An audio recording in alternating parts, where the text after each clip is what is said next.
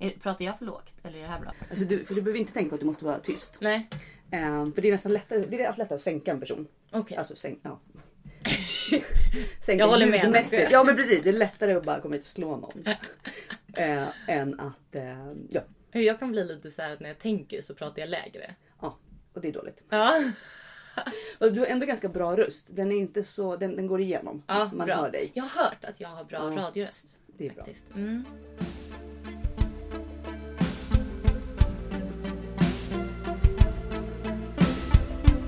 Hej och välkommen Filippa. Hej, tack. Tack för att du ville komma. Ja, det var trevligt att få vara här. Nu är ju vi i våran källare. Yes. Det är lite annorlunda kanske mot en vanlig studio. Eh, men det blir också en form av icebreaker. Tänker jag. Man ser lite peruker. Mm. Man, eh, man har lite snickerigrejer, lite blandat. Eh, så att vi ska försöka göra ett avsnitt i den här miljön. Mm. Och jag tänker, du är ju utbildad makeupartist också. Ja, Så att du känner dig kanske lite hemma. det känns mysigt. Det känns ja, bra. Eh, jag tänker du kan få berätta lite om dig själv. För de som inte vet.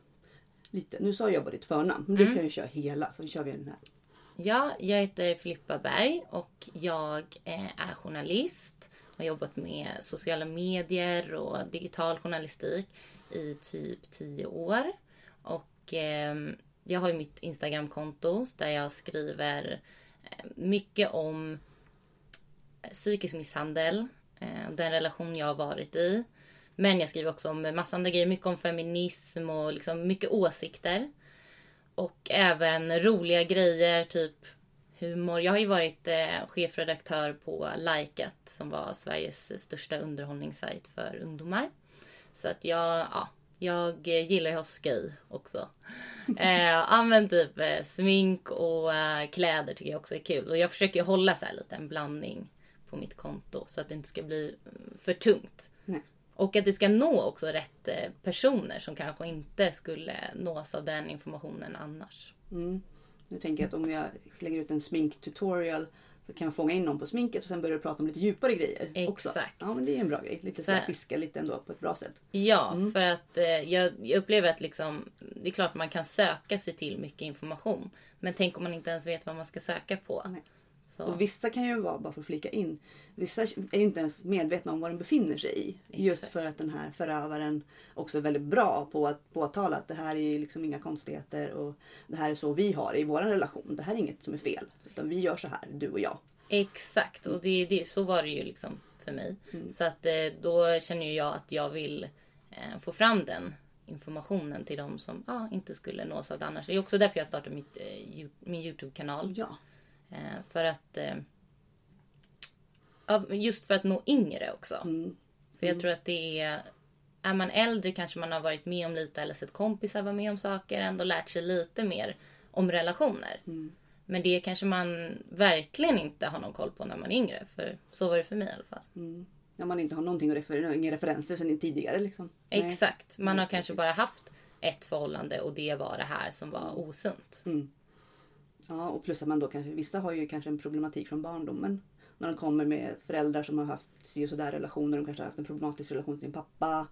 Och sen den första sam eller pojkvännen de träffar är ju då liksom kanske inte den sundaste. Och sen, ja, Ja men man har exakt. ingen, ingen referens. Exakt. Men jättebra tänkt. Och det kan jag tycka är något som är viktigt också som vi pratade lite om innan. Eh, vi som driver de här kontona. Att vi gör det ju av hjärtefrågan. Alltså vi gör det för att vi brinner för det. Och inte för att vi ska bli sponsrade av några rakbladsföretag eller whatever. Utan vi faktiskt bara gör det för att vi vill hjälpa andra. Exakt. Ingen annan anledning. Ehm, och det kan jag tycka att man kan få göra på sitt sätt. Eh, och jag, jag, jag kan känna att det är viktigt att vi också har lite olika plattformar att göra det på. Därför kände jag att jag vill bjuda in dig till våran plattform. Som ändå är podd. Ehm, så jag tycker att det är viktigt att vi sprider också vilka olika typer man kan följa. Och personer som man kan liksom, säga, ta rygg på. Och Ja. bara så här, ja, men hon är också en, en, en sån som mig. Och man kan liksom hitta styrka i det och få massa tips och råd. Och jag tycker det är viktigt att man liksom hjälps åt i det här säga, lilla gruppen vi är som ändå försöker sprida kunskap. Ja, och jag tror att det, det kan vara skönt att se, som du säger, att det finns olika typer. Ja, det kan vara någon med den här bakgrunden och eh, den här typen av personlighet som också har varit med om det här. Ja, jag känner igen mig i henne eller jag känner igen mig i henne. Det tror jag är jättebra. Att ju fler som pratar om det, Absolut. För att vi är ju ofta väldigt olika men också har vi väldigt mycket likheter. Och framförallt är förövarna extremt Mm. lika. De är ju som att de vore från samma säga, art. Ja, person. jag brukar säga att det är som att de har gått i samma skola Ja. och lärt sig samma tekniker. samma kurs liksom. Ja. Det är helt fruktansvärt. Men så är det verkligen. Eh, och det blir man ju varse om efter ett tag. Och det gör ju också att man i alla fall för mig så var det så att jag verkligen fick skuldbördan flyttades lite. Jag insåg att okej, men han har då gjort precis likadant mot jättemånga andra. Och han kommer fortsätta göra precis likadant ända tills en dag han dör. Och det är ju verkligen hemskt, men så är det ju. Och just att de här typen av personer, att de gör så här för att de är en typ av rovdjur. Och det har ingenting med mig att göra. Exakt. De är funtade på det här sättet. För att de vill ha den här makten och kontrollen och för att de lever för att liksom, äta på andra människor. Mm. Så att, ja, det har inget med mig att göra. Det var väl det som man ville liksom, lägga bort. Just det, alltså verkligen det som har hjälpt mig att eh, gå vidare är att det inte handlade om mig. Alltså att just att jag har fått kontakt med andra som varit med om liknande och ser hur, hur likt det är. Då förstår man ju, okej men det berodde inte på mig för det här har hänt så många andra. Och det var verkligen jätteskönt. Jätteskönt för mig. Så, och det är så som många skriver till mig också. Och bara shit, jag trodde bara att det var jag som var med om det här. Jag trodde att det var mitt fel eller att det var vår relation som var så här. Och nu ser jag att det finns liksom kopior överallt. Ja, exakt. Och det är verkligen också kopior nästan på orden. Som de Ja. väljer att använda meningar. För jag, vet, jag har gjort lite inlägg när man skrivit olika meningar. Och alltså alla bara såhär, men gud jag har hört allihopa! Mm. Allihopa! På- Till ord, alltså varenda liten punkt. Och det är så obehagligt. Ja, jag har ju lagt upp så sms-konversationer med mitt ex. Och då har jag också fått jättemånga som bara, nej men gud, det här är mitt ex. Har vi dejtat samma? Mm. ja. nej men folk har, har på riktigt skrivit till mig så här, vad heter ditt ex? För jag tror att vi har dejtat samma. Jag bara, Ja, det har de gjort också. Ja. Det, ja. Jag har fått det flera gånger. Ja. Så heter eran ex bim bim bim och så är det någon sån här, något Mats eller Nisse eller något. Ja. Men det är så här, nej. Men det, ja. men man förstår för att jag känner samma sak. Jag kan också få den känslan ibland att bara, vänta, vänta, är det här? Men om vi går då till din, din historia i det här. Ehm, du var chefredaktör på Likat. Mm. Och då träffade du... Nej, Nej. utan det var tidigare. Jag, eh, jag jobbade faktiskt med nattklubb innan. Eh, sen hade jag mycket vänner och, som jobbade inom media. Och eh, då eh, gick jag på fest och, och hos eh, en tidning då. Och där träffade jag mitt ex. Och han var chef på den tidningen. Så började jag blogga där, för jag, jag bloggade. Och sen så... Ja, men sen började han liksom uppvakta mig och vilja dejta mig. Men det tog jättelång tid innan jag till slut bara, okej. Så jag var faktiskt inte intresserad av honom från början alls. Men han tjatade så mycket helt enkelt. Eh, och eh, sen så erbjöd han mig jobb där. Och jag har ju alltid velat skriva, liksom, jag bloggade ju. Och tyckte bara, ah, varför inte? Det här är jättebra. Värsta chansen. Jag tar det här jobbet. Och då blev han min chef. Och ungefär då hade vi också börjat dejta. Och jag var 20, 21. Så jag fattade ju inte att det var en grej. Att man kanske inte ska vara ihop med sin chef. Jo, jag förstod att det kanske inte var det bästa. Men jag tänkte, men det kommer gå för oss. Såklart. Och, och han var ju åtta år äldre än mig. Så jag tänkte, om han tycker att det här är okej. Han borde ju veta. Så det är säkert jättebra. Och det hur gammal var du då? 21. 21. Och han var då alltså 29. Mm. Mm. Så, så så träffades vi. Och det blev ju... Nu i efterhand har jag förstått att det där med att jag skulle jobba med honom som chef. Det var ju ett bra sätt att ta kontroll över mig. Det var ju inte så jättebra för honom att jag jobbade med nattklubb och ute och sprang och Nej. träffade folk. Och det var ju inte någonting han ville. Så han ville ju ha koll på mig varje dag, se mig varje dag och bestämma över mig. Han hade ju en enorm makt i och med det. Och det utnyttjade ju han verkligen. Så ganska snabbt blev det ju ehm, ja, men väldigt kontrollerande och mycket, mycket nedtryckningar. För det kunde han ju, för han hade jobbat med eh, journalistik så mycket längre än mig. Och bara, du gör fel och du måste göra så här, du måste jobba mer. Och jag blev ju mer och mer nedbruten. Och ja. Sen, Men sen när jag tänker han då. Han var 29. Mm. Eh, de andra runt omkring honom och sådär på jobbet. Han var chef. Då. Ja. hur var han mot dem och hur liksom var dynamiken där? Alla var rädda för honom. Det var faktiskt så att han, i samma veva som han anställde mig så blev han chefredaktör. Han hade varit, varit så här, någon annan typ av chef innan. Så han gjorde liksom som en kupp och tog över den här tidningen. Och ändrade jättemycket arbetssätt och sparkade folk och anställde nya. Och liksom han, han var väldigt, eh, vad ska man säga, mm, han hade mycket pondus. Och folk var rädda för honom. Och det har jag hört i efterhand mycket om att så här, skräckhistorier som gick om honom. Och gud, har du haft honom som chef? Och shit, hur var det? Att det var mycket sånt. Men väldigt mycket av de här grejerna kom inte fram till mig. Däremot så minns jag att han brukade skälla ut folk på redaktionen inför alla.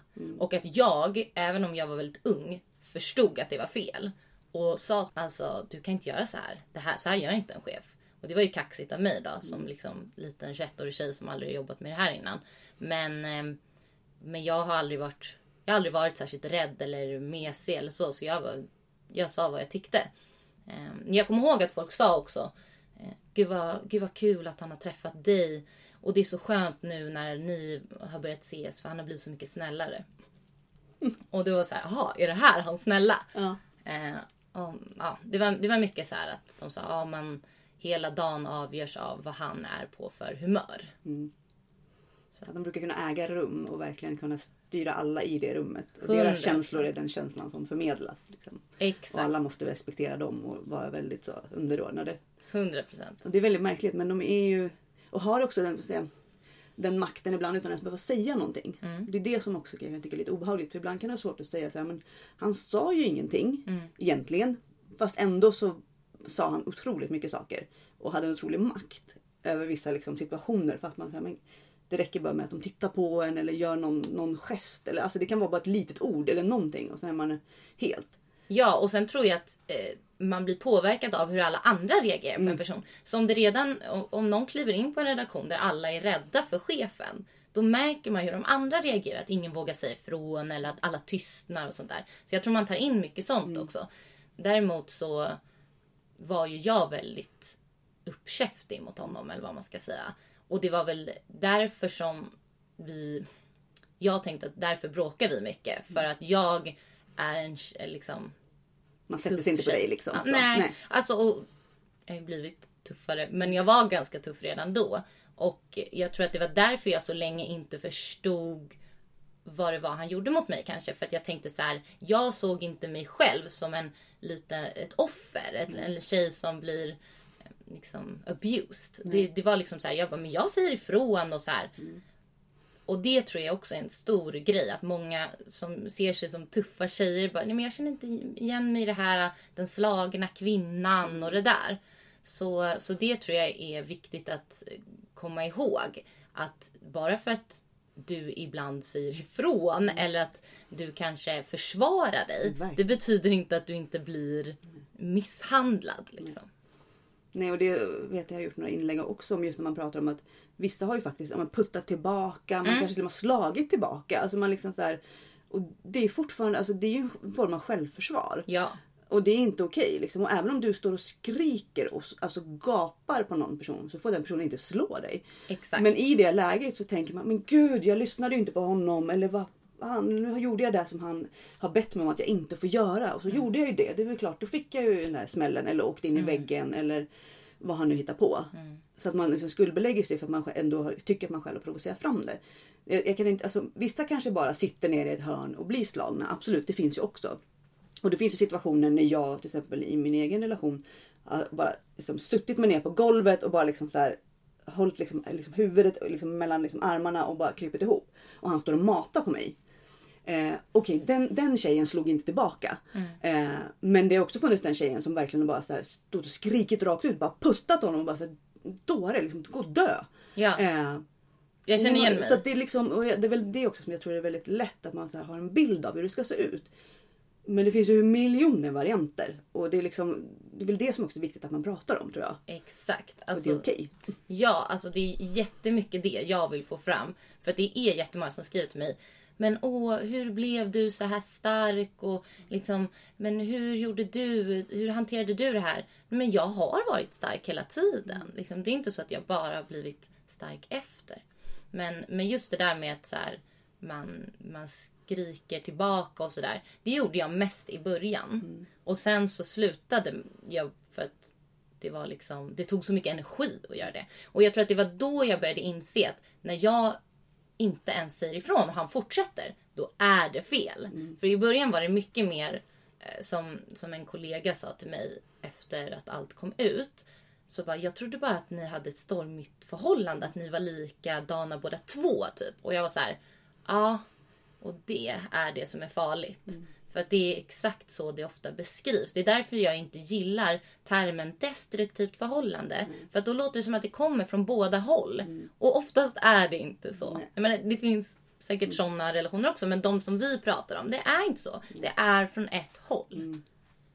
Nej, men jag- det tror jag är jätteviktigt. Jättebra poäng. Eh, Men den här relationen som ni hade. Hur länge pågick den då? Vi var ihop i fem år. Eh, sen, och så har vi gjort slut och så här. Men när vi har gjort slut har vi liksom inte gjort slut på riktigt. Utan det, det har inte varit så att vi har träffat några andra eller liksom så. Men så man kan säga, ja men fem år var vi ihop. Sen så efter att det tog slut så var inte jag av med honom för det. Nej. För han var, då hade han, alltså det har varit så många turer, men då hade han blivit min chef igen. Och på ett annat ställe då. Och eh, då kunde han ju kontrollera mig så. Och även när han skulle sluta eh, som min chef då. Så märkte jag att han ville behålla kon- kontakt och kontroll genom olika saker han sa. Sen hade ju vi också en hund. Och det var ju också så att när vi skaffade hunden så var han så här, det här är din hund. Du ska ta hand om den. Och jag tog hand om henne hela tiden. När vi gjorde slut. Då var det väldigt viktigt för honom att han också skulle ha den där hunden. Helt plötsligt var den här hunden hans dotter. Hur kunde jag inte låta honom vara med hunden? Ja, Då var jag tvungen att, okej, ja visst absolut, vi har em, gemensam vårdnad. Då ville inte du vara en dålig människa som inte lät honom vara med sin fina hund som han verkligen ville. Exakt, för att jag menar jag älskar ju den där hunden. Så att jag har, och jag har empati. Så om han säger att han känner så som jag känner, då tänker jag automatiskt, men gud tänk om det skulle vara tvärtom. Ja, om det hade varit dig som någon hade gjort så emot. Ja, gud ja. Mm. Så därför blir man ju också svag. Och sen så är det klart man har starka band till en person och man liksom hatar inte den. Alltså jag hatar fortfarande inte honom. Tyvärr. Så att liksom, det, ja, nej men så att han hade ju kvar kontrollen i, ja men typ två år till. Tills jag då liksom outade honom. Och det gjorde du, den outningen då, det var det i samband med metoo? eller? Exakt. Mm. Berätta lite om det. Vad- Jo, det var så här att ehm, för det första när vi var ihop, eller så här, när vi hade en paus så var han i Almedalen. Eh, det var sommaren 2015 och då hände det en incident med en tjej som sen anmälde honom för våldtäkt. Ah, okej. Och det där... Det, det var liksom... An, anmälan kom i typ några månader innan vi gjorde slut för sista gången. Men det där drogs ju upp under metoo. Eftersom han var en ganska profilerad journalist. Han liksom skrev kolumner i Aftonbladet och så. Så började ju folk prata. Det var ju väldigt mycket så fokus på media i början. Och då började ju folk prata om det här. Det fanns Instagramkonton som publicerade vittnesmål om olika kändisar. Och då var det den här tjejen som hade anmält honom för våldtäkt. Hon skrev in dit. Och då började folk snacka om honom. Då blev han liksom en av de här som liksom Virtanen och alla de här eh, så, som det snackades om. Och då började ju folk gräva mer på honom. Och då hade jag skrivit ett inlägg utan att nämna hans namn. Så hade jag skrivit om en incident med honom. Att, och då hade jag skrivit något så här. Ja, sex år av det här helvetet eller något sånt. Och det hade ju folk letat upp då. Och Mm, okej. då började journalister kontakta mig och bara vill du prata om det här? Och då var ju jag, han hade ju manipulerat mig så mycket så att jag sa nej. Jag var ju på hans sida då för att han han var ju den jag kände som var nära. Och jag hade ju fortfarande inte fullt förstått vad han hade gjort mot mig. Även om jag visste att det inte var bra så tänkte jag ju fortfarande, ja men lite det här stormigt förhållande grejen. Men du tänkte också kanske inte att han har kidnappat min hjärna och jag försöker skydda min förövare just nu. Nej, Nej, så tänkte jag verkligen inte. inte. Nej. Nej. Nej. Och eh, han, eh, nej men han, han är ju en eh, mästermanipulatör. Mm. Alltså, det, det, jag är jättestark men samtidigt, alltså, han hade så mycket och han hade ju gjort så mycket för mig. Han kunde dra i det, du, ta bort det här inlägget, prata inte med någon. Och sen var jag också så här, jag vet ju inte om han har våldtagit den här tjejen. För han hade ju såklart målat upp en historia om att hon var galen. Och, och liksom ljug, alltså, ljugit rakt av om massa grejer. Och gråtit framför mig. Alltså he, hel show. Och eh, då var jag så här, fan jag vet inte om det är sant. Och jag var skiträdd under metoo. För att det var ju liksom... Det var ju en, en tid, man hade aldrig varit med om något sånt förut. Att folk kunde liksom outas hit och dit och, och bli av med jobbet och liksom få en hel, ett helt drev på sig och så här. Och han var min trygghet i livet. Också så här, för att jag har inte så bra relation med min familj. Så att det var, han hade verkligen tagit den platsen i mitt liv, även om inte vi var ihop. Så att det var ju verkligen så här, jag blev rädd. Men, ehm, nej men så då pratade inte jag med journalisterna och bara försvarade honom. Men sen så hände det någonting. Och det var att den första artikeln publicerades och det var så här, männen på Aftonbladet. Ah. Då var det liksom flera som det handlade om. Och då, då, då stod det inget liksom om... Det enda som stod om honom var typ att han var så här maktfullkomlig, att han var så här typ en mobbare på arbetsplatsen och allt det här som, som ju många kan vittna om. Men inget om mig, för jag hade ju inte sagt någonting. Och den här tjejen som hade sagt det här om våldtäkten, hon hade ju bara eh, liksom lämnat ett anonymt vittnesmål på ett Instagramkonto. Ingen visste vem hon var, ingen kunde kontakta henne. Och det var inget som han hade blivit dömd för heller då, Nej. utan det var ju bara en anmälan som hade blivit nedlagt. Precis. Ja. Som det ju ofta är. Mm, ja. Och ehm, då, då var han i USA när det här hände på tjänsteresa. För han, ja, han, eh, han sa till mig, nu har den här artikeln kommit ut, det var typ inget om mig, ja vad skönt. Men du, nu ska jag ha lite semester. Och grejen var att han hade ju då under den här tiden, fram till den här artikeln hade publicerats, ringt mig typ tio gånger om dagen, pratat om hur mycket ångest han hade, att han skulle ta livet av sig om det här blev en grej. Och liksom verkligen så här psykat mig och vi var helt plötsligt, fast vi inte var ihop, han hade en ny tjej, allting. Eh, jag hade en ny kille. Vi, det var liksom som att det var vi igen, vi mot världen. Som det kändes liksom hela relationen med honom. Så jag var så inne i hans helvete. Det här var egentligen inte mitt problem. Men det var som att hans problem var mina problem. Så när han liksom kände sig safe efter den här första artikeln så sa han Ja ah, men du nu ska jag ha lite semester här i USA så jag kommer stänga av mobilen. Och då ska jag sitta, liksom, för jag jobbade ju då på Schibsted som, eh, eller på Lajkat som ägdes av Schibsted som också äger Aftonbladet. Mitt i det här liksom kaoset som var metoo. Ska jag vara kvar där utan att ha någon att prata med? För jag kunde ju inte berätta det här för någon. Nej. Att jag skyddade honom. Så då blev jag så här, vänta. Det var som att jag vaknade ur en förtrollning. Och bara, men...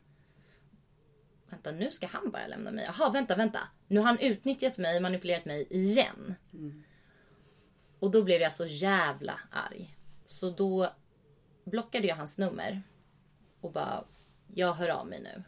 Till DN då som hade kontaktat mig och frågat om jag ville ställa upp en intervju. Jag bara, fuck it, jag gör det. Och då, just jag blockade honom för att han inte skulle kunna manipulera mig. Att liksom låta bli. Så återpublicerade jag det här inlägget och så eh, gjorde jag den här intervjun med DN då. Och då berättade jag allt i, som hade hänt i vår relation. Jag visste inte vad jag skulle börja eller vad som var fel för att jag hade ingen koll. Jag bara berättade, okej det här känns lite konstigt och så här. Så visade jag liksom massa sms han hade skickat som min chef där han hotar mig att han ska eh, sparka mig om inte jag gör det här och det här och det här. Och de... På deras reaktion så fattade jag så okej det, här, det här är nog rätt sjukt. Mm. Och sen så ehm, fick jag ju gå på internutredning hos Aftonbladet, träffa poliser och, och det var väl första gången någon sa till mig så här. Eh, okej, vi kan inte säga, får inte ställa diagnoser men han checkar väldigt många punkter på psykopatlistan. Det här är en man som har många psykopatiska drag. Eh, Du ska aldrig tveka på att du gjorde rätt som berättade och du, eh, du måste vara väldigt försiktig nu för du är inne i den farligaste fasen av ett sånt här eh, förhållande. Att du har berättat och att du på riktigt försöker lämna honom. Och eh, då fattade jag att det var allvar. Liksom. Och ja, sen så kom ju artikeln ut och det blev kaos. Ja. ja, Men då, vad, vad gjorde han? Han var kvar utomlands då? ja. Ja, och vad, vad, hände, vad hände sen då? Ehm, De ringde mig från Schibsted och sa att de hade sagt åt honom att han inte fick kontakta mig. Och eh, sen så var den här internutredningen igång. Sen var den igång i två veckor. Då var han avstängd under tiden då. Och sen så efter två veckor då sa han upp sig. Han blev utköpt då, så han fick väl typ en årslön. Mm, skönt. På sin, han hade ju så här toppposition inom Schibsted så han hade ju han fick väldigt mycket pengar för att ja, Ja. försvinna därifrån. Skönt. Ehm, precis. Och, eh, men det var ändå skönt för mig för jag slapp ju se honom Mm. på jobbet. För det var inte jag säker på. Jag, jag har berättat allt men han kanske kommer fortfarande Ja, finnas här. Kommer möta honom i korridorerna. Liksom. Mardröm. Ja. Ja. Eh, så att det var jätteskönt. Att, eh, men det var ju absolut inte så att allt var bara kul efter det. För då börjar ju allting. Ja. Insikterna. Vad har jag varit med om? Mm. Vad fan är det som har pågått egentligen? Mm. Mm. Mm. Och det var ju liksom så publikt. Alltså att, så här, Mm. att alla i ens bransch vet allt om ens typ hemliga liv. Sånt som man har hållit hemligt så länge. Mm. Det var ju också så här jätte... Jag blev ju utbränd. Ja men superstressad. Liksom. Ja, Mm. ja, för jag började glömma saker och eh, liksom var jättetrött hela tiden. Och det var bara... Jo, men bara att, att vara i den typen av relation gör att man får extremt stresspåslag och sen när man lämnar så är man ju helt, man är helt dränerad. Men det och är sen ju, att det blir en sån cirkus uppe på det också Ja. då så det blir extra allt av allt då för dig liksom. Exakt. Och sen så blev det ju det här hemska också att typ kanske tre, fyra månader efter det här så bestämde Schibsted sig för att lägga ner Likat där jag var chef. Så då förlorade jag mitt jobb. Och jag fick inte någon Ett superårslön. år sedan, gud så här 100 000 i månaden. Mm, nej precis. Gud vad bra. Ja, så att, eh, så att det Rättvisan där var lite sådär. Jag och jag misstänker ju att anledningen till att de la ner var hela den här härvan. Sen så kommer ju de aldrig erkänna det. Nej. Det. Men, eh, men det var jag starkt misstänker eftersom det bara kom lite från, som en blixt från klar himmel. Vi alla blev väldigt chockade. Så ja, det var ju liksom... Det var för infekterat hela liksom. Jag Att det tror det. Att de kände att det, det här är för nedsmutsat Mm. av den här affären. Och sen så blev ju jag sjukskriven också, chefen, och vi var inte så många. Liksom. Och jag hade ju drivit det där så hårt så att det... Ja, Mm. de valde nog att lägga ner på grund av det tror jag. Men de säger ju att det var på grund av ekonomin. Eh, det kan man alltid säga. Mm. Ja. Så. Men eh, ja, så det, det blev väldigt jobbigt för mig. Så det, jag har egentligen varit sjukskriven Mm. sen dess. Men jag tänker då de här människorna som jobbade med dig. Mm. Eh, hur var de efter det här? Hur liksom blev bemötandet? Det var ett jättebra bemötande från, från liksom alla egentligen. I, jag fick liksom jättemycket mail från folk i branschen och, och eh, även gamla vänner till honom och sånt. Så att det var många som faktiskt sa så här, du, vi tror dig. För att, också, det var ju väldigt tacksamt kanske med honom för han är kanske inte den här typiska psykopaten som som skärmar alla utom den han är ihop med. Liksom. För det finns ju många sådana som folk absolut inte kan tro. Nej. Men, eh, men han hade ju varit en tyrann på jobbet och väldigt så här, många andra. Han, han spelade rugby också och jag fick massa meddelanden från folk i den världen som bara vi vet hur han har varit här, vi tror dig 100%. Så det var faktiskt väldigt bra för mig då, att han hade varit ett svin på många sätt. Men, eh, nej men så mina kollegor, de var ju jätte, jättebra. Och ja, men sen så Ja, sen, sen så var det ju också metoo. Det var ju fel att tycka något annat Ja. just då. Mm. Så att det har ju hänt grejer efter. Ja, folk som bara helt plötsligt säger nej, tagit hans sida och bara gått tillbaka lite eller? Ja men som, in, som kanske tog jättemycket avstånd från honom först. Som sen bara helt plötsligt typ tackar honom i någon Facebook-post och är så här, åh min nära vän. Jaha vänta du sa ju okej. Ja, Så att eh, det, vände kappan efter. Ja. Absolut. Och för det var ju så här, det var ju det som var PK att tycka under metoo. Att det är klart att vi tror på de som berättar. Men sen, vad som hände sen, det är ju lite annan grej. Och jag tror också att det gäller när så här, eh, när det gäller att anställa mig. För jag har ju sökt jobb liksom, innan, innan jag blev sjukskriven så eh, på riktigt. Liksom. Och då märker jag ändå att det, det är ehm, det är en grej att jag har gjort det här. Så, så, att, eh, så att det har ju absolut inte varit gratis för mig om man säger så. Men för det vet jag många kvinnor som just har gått ut och berättat att de blir lite obekväma då. Alltså i andras ögon. Det blir en liksom Exakt. en typ av person som har henne måste man passa sig för. för Hon kan ju berätta saker eller säga saker eller Loose cannon. ja. Så det är ju det som jag kan känna är fruktansvärt. För då blir det också, det är fel fokus redan där liksom. Men det är ju så lätt att göra det. Och då förminskar man ju den här personen igen. Ja. Ehm, ja. Mm. Det är därför som jag känner att det är så här. Okej men nu har jag gått in på den här linjen. Då är det lika bra att jag bara kör all in. Mm. Och du blir en spokesperson och sen så får det vara bra med det här. Då får jag göra något av det. Så känner jag att det är kanske inte är meningen att jag ska vara en snäll och lydig liten anställd på något mediebolag och ta massa skit. Det kanske inte är så. Nej.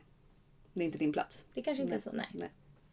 Men jag tänkte han då som em, den här förövaren i ditt fall. Han, han har hört av sig till dig nu efteråt och liksom, eller har du blockat honom helt och bara ja det är noll kontakt? Jag har blockat honom. Det är så och han har inte försökt höra av sig. Ehm, däremot så det, det enda, han har inte ens egentligen uttalat sig. Såklart sökte ju alla honom när, när allt det här höll på. Men han, han var ju smart och, och sa ingenting. Men han, han eh, publicerade ett Facebook-inlägg typ där vid nyår och sa någonting om att Åh, det här året har varit ett skitår. Och, men eh, tack alla som ändå ställde upp för mig och, och typ försökte måla upp det som att det var jättemånga som gjorde det. Och jag tror faktiskt inte att det var det om man säger så. Inte, inte folk som vet hela historien eller som var i vår bransch och så vidare. Eller, mm. Men, ehm, nej men då skrev han så här. För jag undrade ju, hur ska han hantera det här? Ska han, jag tänkte om han är smart. Då pudlar han och bara, okej jag, har, jag har gjort lite fel. Men inte så mycket fel. Jag har varit en skitstövel absolut förut men idag har jag lärt mig så mycket av det här. Exakt vad jag trodde. Och det, det hade varit det smartaste tror jag absolut av honom. Men det gjorde han faktiskt inte. Utan han sa ja, men svartsjuka och missnöje med det egna livet kan få folk att hitta på vad som helst. Ja, okej. Men då är vi alltså två tjejer som då är galna som han har råkat ut för. Ja. Okej. Alltså så. Så det, är, det- det är hans eh, take på det hela så att säga. Ja och det är, det är ju en ganska vanlig take från förövarna. Att de gärna svartmålar personerna som, som kommer och berättar vad som har hänt. Att det, är- men alla, vi är ju sjuka i huvudet. Alltså jag vet inte hur många våran förövare, alla hans ex. De var ju verkligen sjuka i huvudet. Alltså han beskrev verkligen hur sjuka i huvudet de var. Saker som de gjorde. Man kände men men de, är verkligen mentalsjuka. Jag kände såhär, men gud stackars dig. Har du råkat Ja. ut för så många? Det måste ju vara som att du är som en magnet. Ja, och det är Gud, för att han då var så framgångsrik och liksom charmig och, liksom, och han var så snygg också. Det gjorde ju att de här tjejerna liksom, de, du vet, de ville ju ha hans arvsmassa. Oh Ja, my du vet, det god. är så sjukt så att man, man ändå så känner man så här, men en människa kan inte säga såna här saker och hitta på. För det, det måste ju vara en störd människa som gör en sån sak. Exakt, alltså det där var precis det jag tänkte. Att så här, man kan inte hitta på sånt här utan att, att blinka liksom bara så här pokerface. Man kan inte göra det Nej. om man inte är En psykopat. en psykopat. Och det, det tror man inte om folk. In, innan man har varit med om det, då förstår... Då, då, alltså det finns inte i ens hjärna. Man tänker att människor är som en själv. Ja. Men sen efter man har varit med om psykopat, då ser man dem och man märker. Och det är okej, den där ska jag hålla mig på. Jag har ju varit med om psykopater. Jag har faktiskt blivit lurad av en till psykopat, inte en man. Men ja, så att det, det, det kan hända igen och igen och igen. De är så jävla smarta och... Och det är väl det som jag, jag kan känna är det viktigaste av allt i det här. Att man får lära sig om dessa personer. För då som du säger, man, man kan bli lurad igen. Och det herrejösses, för de är ju så jäkla skickliga. Och precis som säger, det kan vara det andra könet och det kan vara ju en företagsrelation. Det behöver inte vara att man går in i en kärleksrelation. Det kan vara vad fan som helst. Ehm, att, man, man, att man försöker se, hitta tecknen och framförallt i sig själv. Att så här, okej, behöver jag en annan människa för någonting? Det som jag hade, jag hade, ett, jag hade också problem lite med min familjerelation då. Och min förövare blev ju också som den enda trygga punkten. Och han skulle skydda mig mot världen, han skulle liksom hjälpa mig framåt, han skulle hjälpa mig nå mina drömmar. Ja. Och jag var liksom så tacksam för det och tänkte men gud han, han hjälper mig att nå mina drömmar. Och utan honom är jag ingenting. ja. Och då är man ju liksom ute och cyklar. Precis. Om någon blir ens allt på flera plan. Det är farligt. Och jag, jag gjorde också den här videon, eh, 13 varningssignaler på att du blir utsatt för psykisk misshandel i förhållande. Och där har jag ju listat lite sådana där grejer man kan se. Det här kan vara liksom varningssignaler, röda flaggor i ett förhållande. Som, som jag aldrig hade tänkt på innan. Nej, för, för det är ju oftast säga, det, det kan vara svårt att se dem när man väl är uppe i det. För det är ju lite som vi lyssnade på den här föreläsningen med Lisbeth och Mike och då var det ju det här att de verkligen jobbar ju med ens kemiska balans i hjärnan. I och med att du blir väldigt liksom kär Kanske inte alltid förälskad på ett vanligt normalt sätt. Utan du blir liksom kär som att det vore en drog. Den här personen blir liksom, du måste ha den här personen i ditt liv. För att du känner saker som du aldrig har känt förut och du blir liksom så upplyft. Eh, och sen samtidigt då är den här människan någon som verkligen bryter ner dig, dränerar dig. Och den här liksom eh, kemiska, det här som händer i huvudet. Det är också svårt att bryta. För att det blir verkligen som ett missbruk på riktigt. Ja. Och då kan det vara svårt att se klart. För det var som, som Mike berättade, att man, man blir ju liksom, innan man blir kär så blir man avtrubbad. Och det händer på riktigt. Att hjärnan kan inte riktigt processa saker som sker. Den kan inte se saker klart. Okej. Och det är därför den här typen av personer liksom, eh, jobbar med, med dina, den typen av eh, känslor. Eh, och verkligen vill lyfta dig och få upp dig till den här nivån som är helt absurd. Och du går runt och liksom, du kan inte se klart helt enkelt. Jag tycker att det är ett, ett bra sätt att beskriva det. är Så att ljuset blir på dig. Ja. Med de här personerna. Det här är en, en sjuk grej jag tänkt på i efterhand också. Att även efter vi gjort slut och jag verkligen inte ville vara ihop med honom. När han fortfarande var min chef. Då var det inte så att han alltid var med oss i samma rum. Utan han liksom, han var lite överallt. Men när han kom in hos oss. Så var det som att jag bara, åh, nu kommer han. Fastän han kunde, han kunde komma in och bara, Filippa, vad håller du på med? Det där är inte bra. Men jag kunde ändå bara, åh hej. Varför? Ja. Det var kontrollbunden liksom. någonting som var, gjorde det roligt. Så att när han kom in. Och tryggt säkert för att liksom levt med honom så länge. Men också bara att han kom in med en energi. Och jag tror det där att liksom hur han påverkade andra. Och det var ju många som såg upp till honom. Han hade ju lyckats väldigt bra. Så att det är såna där grejer. Alltså just att man får det här ljuset på sig. Det tror jag är väldigt addictive. För de ser ju verkligen en Ja. när de vill. Alltså, de- och de verkligen kan lyfta. Och man så, men gud jag, jag blir verkligen någon här. Och jag får en betydelse. Ja. Och sen samtidigt så blir du också helt värdelös och du är hemsk. Men samtidigt som de där stunderna. Det var som jag brukade prata om typ att det var så här. Typ 20-80 eller 60-40 så här, som var, det var bra. Det var typ 20% som var bra, 80% som var dåligt. Men de där 20 som var bra var ju så jäkla bra. Bättre än man någonsin Ah. varit med om. Det kommer aldrig bli så bra säkert någon gång annars. Egentligen kanske. Och det är det som det är som knark. Det är ju det jag tänker på nu även så här i, i efterhand. Att, att jag går ju runt och saknar känslan av hur det var när det var bra och så här i början och det här vi mot världen, ride or die. Att någon är så fokuserad och egentligen besatt av en.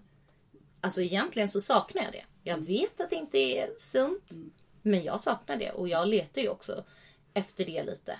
Så att, Ja, men jag kan känna igen mig jättemycket i det. Nu, jag har ju en, en relation idag. Som vi, har haft, vi, vi träffades i uppbrottet. Liksom. Eh, så han vet ju allt och kan allt. Eh, men jag kan också relatera just till den känslan att han ser ju inte mig så. Han är inte, han är inte besatt av mig. Och, det, och det är också så här, som du säger, man kan sakna den känslan av att någon verkligen går in för hela ditt väsen. Ja. Du är allt och du är fantastisk och man, liksom, man blir så boostad. Och man känner så här, men gud.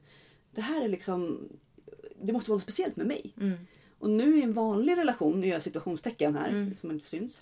Eh, det blir liksom när, man, när någon bara älskar en som vanligt. Så är det ju fortfarande sunt och det finns en, en, ett lugn i det. Men samtidigt så blir det så här, men gud ibland kan man känna så här, men bryr han sig? Älskar han mig på riktigt?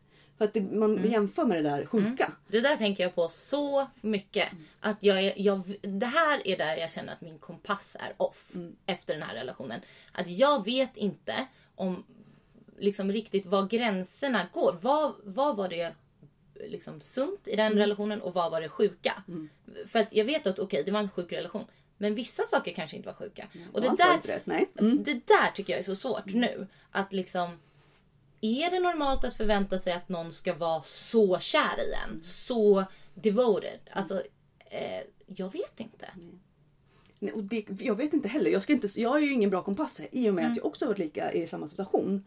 Eh, och jag kan känna att mycket av sakerna som, men varför gör han inte så? Men han borde ju göra så. Det är liksom, är det här bra eller är det här dåligt? Det är jättesvårt att veta alla de här sakerna. Och där är någonstans också, man, man behöver ju processa det väldigt mycket. Och sen så må man någonstans gå på the gut feeling. Och den är ju ibland också inte heller att lita på. Det är det. Man vet inte, men gud men jag känner ju verkligen det här. Eller gör jag det? Eller är det min hjärna som tror att jag känner det här? Så att det är ju en, ett mindfuck. Ja, alltså jag har ju sagt till eh, killen som jag träffade efter att så här. Eh, ja, men om vi bråkar och eh, sen så vet du att jag är jätteledsen och, och så bara hör inte du av dig. Du borde stå utanför min dörr. Varför gör du inte det? Det hade mitt ex gjort. Ja. Och då blev han så här. Men vet du vad? Det kanske är för att ditt ex är ett psycho. Ja, som står och stakar Ja. utanför din dörr tills du Man, man, man, in. ja. Ja. man åker inte hem till någon och gör så. Jag bara, jo, om man är kär så gör man det. Ja. För att det ändå, eller den starkaste kärleken jag upplevt sådär från någon. Mm. Det är han och jag vet inte. Ja, jag vet inte om det går alltså, är att förvänta sig. Jag vet inte om den här killen jag träffade efter kanske var lite för lugn för min liksom, smak egentligen. Så ja, det är skitsvårt. Mm. skitsvårt. Nej, men, och det där tror jag, alltså, man behöver väl, väl, jag vet inte, jag spekulerar ju nu. Eh, att hitta någon. Eh, min, min sambo idag, han har vissa likheter. Eh, och jag har sagt att du kanske ibland är du lite light eh, narcissistiskt lagd. Eh, men samtidigt så, det kanske jag också är. Eh, och det, det kan finnas lite sunda eh, saker i det också. Eh, men att det finns liksom den här passionen, det finns de här det där svarta och vita. Det, är liksom, det, det händer grejer. Och jag har sagt att jag måste hitta en person som är likadan som mig där. Det måste hända saker. Ja. För man blir ju liksom, vad ska man, säga, man, man, man blir ju någonstans också, man blir lite skadad. Men samtidigt så har man ju en personlighet som fortfarande är Exakt. så man måste ju få vara den personen också. Mm. Så att visst, jag var ju också väldigt ung som du när jag träffade den här människan. Så jag vet ju inte vad det var han har format. Jag var ju kanske tuff innan. Mm. Men han formade mig också. Eh, och gjorde mig ju till någonting jag är idag. Eh, och den delen vill jag kanske inte heller ta bort. Mm. För jag gillar henne också. För Hon har lite av hans, kanske lite vissa drag. Ja. Gud, jag tänkte precis säga det. Att jag, någonting jag har funderat jättemycket på också efter är det här... ehm, have I become the monster Ja. I swore to destroy? För att jag har blivit lik honom på många sätt. Men jag gillar det också. Och det, det vet inte jag om jag gillar för att det faktiskt är bra. Eller för att det är en känsla av makt för mig. Jag har ju märkt, alltså jag vet att folk också sa till mig under den här tiden så här vi, vi brukade ju skämta mycket om, om mitt ex som chef. Så här, att alla var rädda för honom. Så. Det var ju också ett skämt. Liksom, så. Men eh, då vet jag att en kollega sa till mig så här. Ja, alltså, jag är mycket mer rädd för dig än vad jag är rädd för honom. Och jag var så här, haha, kul. Liksom. Det, det tyckte jag var nice. typ. Och ehm, grejen är att jag tror att jag har blivit en, som honom väldigt mycket av att vara med honom. För, för man blir som man umgås kanske. Men så här, vi brukade också kalla honom för härskartekniken. För att han höll på så mycket med härskartekniker. Och, och jag har ju blivit en mästare. Och jag är jättetuff i psyket. Och jag vet att folk kan bara, oh shit, bli intimidated av mig. Och eh, ja, men jag vet inte. Jag funderar på det. Är det dåligt eller är det bra? Men det kanske, ja, båda. Ja, men, och jag, jag tänker också där som... Eh, för jag vet att, att det, psykopaterna behövs ju. Har vi, jag pratar med experter om det. De är så här, ja men de behövs för att ta samhället framåt. Mm. Att många av deras egenskaper är ju liksom pusha människor och det liksom, ja, men på något sätt, gör, gör en, ger en framåtrörelse. Eh, sen är det ju deras avsaknad av empati.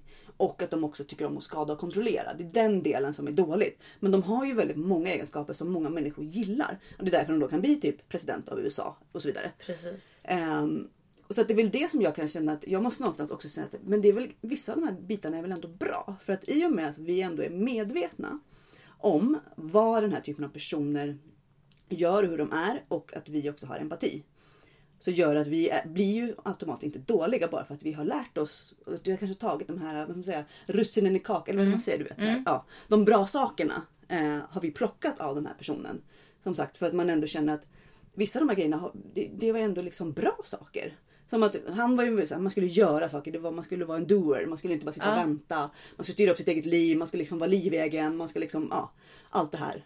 Ehm, och det var väl också kanske det som gjorde att de valde en också lite grann. Exakt. För att de kanske såg vissa likheter. De såg kanske ett frö. Att den här personen kan jag skapa till att bli lite som Mini-me. min, ja, mini-me. Och lite som en soldat som blir lite som mig men ändå som lyssnar. Ja. För jag lyssnar ju inte. De lyssnar ju inte. Så de känner så här, men de vill ju att vi ska lyssna och bli så här trogna Ja. ja, små stridspiloter. Verkligen. Det där tror jag verkligen alltså att mitt ex tänkte med mig. Alltså, Mm. För han har ju också alltid sagt så här. Mm, Ja men det klassiska, vet du varför jag är så hård mot dig? Det är för att jag ser potential i dig. Mm. Ja. Och grejen är, det kan säga, ah, det är en manipulationsteknik. Ja fast det är också sant. Mm. För det gjorde han. För det är som sagt, jag är lite lik honom. Mm. Och, och jag, jag har alltid älskat folk som är doers och jag är också sån. Och jag bara, äh, nu gör vi bara det här. Mm. Håll inte på att vänta. Och liksom, jag uppskattar det med honom och sådär. Så att, eh, ja men absolut. Vi kanske är den perfekta kombinationen. För att Att man, ja, man har lärt sig av dem men att vi ändå fortfarande med, har medmännisk, eller medmänskligheten kvar. Exakt. Och att vi bryr oss om andra och ändå kan känna att det finns gränser. Ehm, och jag kan ju liksom se att de människorna som jag träffade när jag var i den relationen. eh, nu kan man säga att alla människor som är, nästan som är runt mig idag har jag träffat tack vare honom. Mm. Det också kan jag ibland känna är jobbigt. För att känna men gud jag, har, jag hade inte lyckats med det själv. Men samtidigt så har jag behållit dem. Vilket inte han har gjort. Jag har ju behållit alla de här människorna. Han som du träffade nyss här. Mm. Min kära vän. Det var hans vän från början. Okej. Hon som jag har haft bolaget med. Det, de gick i samma grundskola. Han som jag är tillsammans med. De jobbade ihop. Alltså det, är så här, Aha. det är helt sjukt om man börjar nysta i det. Det ska vi inte göra. Men, men det visar också på att de här människorna som han har hittat är också fantastiskt fina och bra, driftiga människor Ja. som han liksom har parat ihop mig med. Ja. Så de människorna är inte, är inte psykopater. Att han är väldigt duktig på att sätta ihop folk och liksom känna in vilka människor kan han få ut någonting av. Men då gör, utnyttjar han dem istället så att det blir åt helvete. Jag å andra sidan har ju ändå hittat sätt för oss att jobba tillsammans och verkligen kunna ge varandra saker. Det är så intressant allt du säger. För att jag, alltså, det, känns, det känns som att du pratar om mig och min relation. Det är verkligen så. För att, alltså, exakt så var det med mitt ex. Alltså, han har ju egentligen plockat ihop de, de som han anställde där på den första tidningen. Alltså, alla de har superkarriärer nu. Det är fantastiskt duktiga människor. Det är liksom... Ja, men det, är, det är otroligt. Och jättemånga av de som jag fortfarande har kvar är liksom... Eh, ja, men det är jättebra människor. Och jag tänker också jättemycket på det här. Så har jag fått min karriär på grund av honom? Det var ju en jättestor självförtroende liksom, problem jag hade efter att jag började inse alla saker. Att liksom, eller under tiden också. Att det var så här, okej, han gav mig mitt första jobb. Men sen har jag också funderat och bara, mm, fast han hade aldrig gett någon dålig idé. Varför skulle han göra det? Det skulle ju bara Få honom att se dålig ut. Exakt. Och det, det är någonting som jag har hållit fast vid. Att det är så här, nej men på riktigt, det är klart att han såg mig för att han visste att jag var bra. Jag är bra och jag vet det egentligen. Men det kan komma att spöka just det där. Som säger, har jag har fått alla de här grejerna på grund av honom. För att, ja, De är men, väldigt bra på att säga det också. Att man ska vara tacksam för allt de har hjälpt en med och du hade inte varit någonting utan mig och så vidare. jag hittade dig på gatan, Mm, brukade typ. han säga. Och så sa han, och det var det roliga, att han sa det till alla som han anställde. Så vi började skämta om det. Och bara, ja, sluta leka, jag hittade dig på gatan. Och vem var du förut? Satt eh, på Ica. Nej men alltså. Ja. Ja. Och men till mig var det så här, ja. Att jag var ju typ som en missbrukare och jag var, det var på väg utför. Och jag, alltså det var verkligen så. Jag var typ 18 år och gick på krogen. Jag tyckte jag var kul. Alltså jag relaterar så mycket. Jag var ju, det var inte problem. jag var ju nattklubbsvärdinna. Det var också så här, gud när jag hittade dig. Ah, du var på de där nattklubbarna på Stureplan och du söp hela tiden. Man bara, jag var 20. Ja, ja, men det är så här, man gick ut. Det var inte så att jag satt hemma och drack i min ensamhet och så här. Just, just det där att de också ofta ska säga att man har problem med alkohol. du håller på att spåra. Men det är bara för att man ska inte ut och träffa folk. Man ska inte ha liksom, socialt liv. Eh, och, och man blir ju mer eh, svårkontrollerad om man eh, dricker och typ så här har kul. Alltså så, här, Ja, ja. så är det ju. Och man ser dem på ett annat sätt då också. Man kan säga ifrån. Eh, Exakt. Nej, men, och det verkar vara en, en, en taktik. Så det märker jag, han har ju sagt till många, även till Linda, så var också att hon var ju alkoholist och sådär. Ah. Och alla är alkoholister. Och så, men, va? så det är, Intressant. Ja. Eh, men jag tänkte på i den här relationen, mm. och bara gå tillbaka lite in i den. Eh, för dig, vad var det liksom vad var det liksom värsta, som man säger, inte värsta, det är svårt att säga en sak. Eh, vad var det som var liksom mest jobbigt när du var i relationen? Som du liksom upplevde, även om du kunde, inte riktigt visste alltså, att det var så förvirrande allting. Alltså jag tror att det var att aldrig få vara i fred från mm. kritik. Eller att inte veta när den skulle komma. Um, att ja, men inte kunna slappna av. Alltid vara lite på spänn och inte vara säker på vad han var på för humör, vad det skulle bli för dag. Så tror jag. Men, men sen, sen efter ett tag var det ju att vara så pass osjälvständig. Att jag, okay, jag bodde med honom, han var min chef, han var också min pojkvän och han började liksom få mig att inte vara lika mycket med vänner. Även om jag fortfarande var det så var det ändå så här, Att det, att det var svårt. Jag kände så här, hur ska jag kunna bryta upp från det här? Det kommer inte gå. Mm, att, han är hela din värld. Liksom. Ja, det, det, det, finns ingenting utanför. Liksom. Det var mm. som galler vart jag än tittade. Jag kan inte göra så. Nej, för då försvinner det där. Det går inte. Jag kan inte göra det här. Nej. Eh, och så var jag också så här, Jag var också väldigt rädd för att göra slut när han hade så mycket makt. För då tänkte jag nu kommer jag få sota. Mm. Mm. Men hur gjorde du då? När, liksom, var det du som lämnade då? Eller hur blev det liksom? Jo, alltså så här, flera gånger ja. så lämnade jag. Men, eh, men sen så på något sätt så fick han tillbaka mig på olika sätt. Och det var ju också så här. Han spelade ju mycket på att han var min familj. Mm. Och jag, jag, är, jag är fortfarande så att jag söker efter min, min familj. Liksom. Mm. Det är det jag... Dina killes här lite. Mm. Ja, det är verkligen det. Mm. Det är så här, jag är mycket en ensamvarg och jag har inte problem med att vara själv. Men jag har den här känslan av ensamhet som jag har känt hela mitt liv. Det är, liksom, det är min ångest. Liksom. Mm. Så den spelar han mycket på. Så då kunde han få tillbaka mig på olika sätt. Men, eh, men jag, jag kommer ihåg att jag försökte göra slut eh, då en av de... Ja, men den sista gången jag försökte göra slut. Så, så, så gick inte det för han bara accepterade. Det var som att det inte hade hänt. Ah, okay. Va? Vadå? Ah, det kommer alltid vara du och jag Filippa. Mm. Och, och då var det så här. Jag ger upp.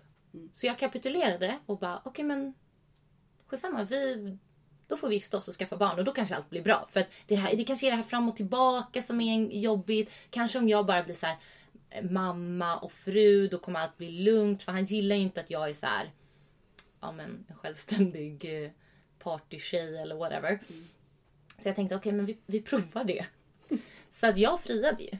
Ah, just det. Den där, just det, det inlägget har vi. Ja. Mm, mm. Så... För att också så, jag hade ju enormt starka band till honom. Mm. Som sagt, han var min familj. Det var, inte, det var inte svårt att liksom skriva ett litet tal där jag friade och började störtböla när man mm. säger det. För jag hade jättestarka band till honom. Men man känner ju det där också. Gud ja. Sen kanske inte jag var jättekär. Men det var liksom inte det viktiga. Jag var såhär, men kär. Jag älskar ju den här personen mm. för att allt han har gjort för mig, allt vi varit igenom. Så att det var liksom okej. Okay. Men det var lite konstigt faktiskt. För att, eller ja, efter att, att jag hade friat, då kom den här våldtäktsanmälan. Mm. Ett halvår efter att det hade hänt. Då. Och eh, sen var det väldigt mycket på jobbet som var jobbigt för honom. Han blev ganska stressad och så här. Helt plötsligt, när, när jag hade friat, då var det som att han... Mm, Mm. Som de här grejerna hände ju också. Men, men det var så här, och då tänkte jag så här, vänta, han kanske kommer lämna mig nu. Mm. Så jag hoppades på det. Det låter ju helt sjukt. Men jag tänkte så här, jag kan inte göra slut. Nej. För det har jag gjort så många gånger. Och det kommer bara bli en uppslitande process där jag bara kommer må skit och sen kommer det ändå inte bli så. Mm. Så att, vet du vad, jag testar något nytt. Jag, låter, jag väntar ut honom. Och jag gjorde det. Mm. Så jag lät det bara vara och försökte inte så mycket. Såklart lite så hoppades jag ju också men det mm. kanske löser sig. Mm. Så jag hoppades, ah, men ska vi åka på en resa? Du kanske behöver stressa av lite. Ja då kommer det bli bra. Sen var vi på den där resan. Det var inte bra. Nej. Eh, dagen innan min födelsedag gjorde han slut. Mm. Och jag var ju arg. Mm. Men samtidigt lättad. Mm. Och sen så gick det kanske tre veckor. Och då hände det som jag tror gjorde att det faktiskt blev slut. Då träffade jag en ny kille. Mm. Jag, tror, jag tror att, ja ungefär mm. tre, fyra veckor. Och jag tror att hade inte jag gjort det. Då tror jag att han hade fått tillbaks mig på något sätt. Mm. För att jag, jag, vet att han sa så här, innan han visste att jag hade träffat en ny så sa han så här, ja man vet ju aldrig vad som händer. Det kanske blir du och jag. Mm. Så att han vill ändå hålla kvar på något sätt lite grann där. Mm. Ja, men sen när jag berättade att jag hade träffat en kille och verkligen så här breakade det för honom. Vilket jag var just det, lite rädd för att göra. Ja. Men just då var han inte min chef. Så jag tror också att det var det som gjorde att jag vågade bryta mig loss mer. Så jag berättade det och eh, sen efter några månader efter det så sa han ah, ah, jag har en ny tjej. Så att, ja, och, och, och då blev det ju så mer definitivt. Liksom, Okej, vi har nya nu. Så att jag tror att kombinationen av allt det där gjorde att det faktiskt blev ett, ett bryt. Men han, som sagt, jag vet inte varför, men han ville ju fortfarande ha kontroll och liksom jättemycket kontakt med mig även efter det. Så jag, jag vet faktiskt inte riktigt vad, vad som var hans plan. Men han kanske bara tyckte att han ägde mig ändå. Ja, ja. Men så kan det vara liksom. Mm. Men vad intressant. Men det, de, de brukar ju prata om att när, när de får för mycket som de vill så blir de också lite uttråkade. Så att, Ja. det här med typ frieriet. Det kanske var någon sån brain ghost där som han bara nej. Det var inte kul. Mm. Ja. Ja, Han-. Han sa ju när jag, när han märkte okej hon, hon, hon ställer sig här och ska fria. Så sa han så här. Nej! Nej! Vad gör du? Så att det var en, en direkt så här. Och hade jag- inte han någon kontroll liksom. Exakt, han blev så chockad. Och han blev, det här, så sa han så här, det här ska inte du göra. För han är också väldigt typ liksom klassiskt sådär konservativ. Att så här, det är killen som ska fria. Du tog det här från mig, sa han då. Och jag var så här, jaha. Så då var också det fel att jag tog det initiativet. Eh, Så, jag, så jag tror att det det som du säger att han fick för mycket som han ville men också så här han tappade kontroll. Nej men det här var inte lika kul längre. Så så tror jag det var. Så det var väl bra att jag gjorde det. Ja men tur i oturen liksom. Ja. Ja. Men jag tänker efteråt då. då hur, alltså, hur, liksom, du började, det blev ju en automatisk bearbetning där med metoo och hela liksom, Mm. den. Att du blev liksom inkastad i, nu måste jag liksom in i den här Mm. ögat och bara, vad, vad är jag i en jävla orkan? Ehm, men har du gått i terapi och liksom försökt att, eller hur har du liksom? Jag har gått i olika sorters terapi men jag har gått traumaterapi, så här, lifespan integration. Ehm, Det handlar om att man, man ska försöka foga ihop minnen, vanliga normala minnen med de här traumatiska och förstå att det var samma tid. Vilket är skitsvårt. Jag, jag eh, gick på det ett tag men det var för jobbigt. Ja. Så jag slutade. Och eh, jag tror så här, jag vill ju typ så här inte bara ha några tio samtal på, hos KBT.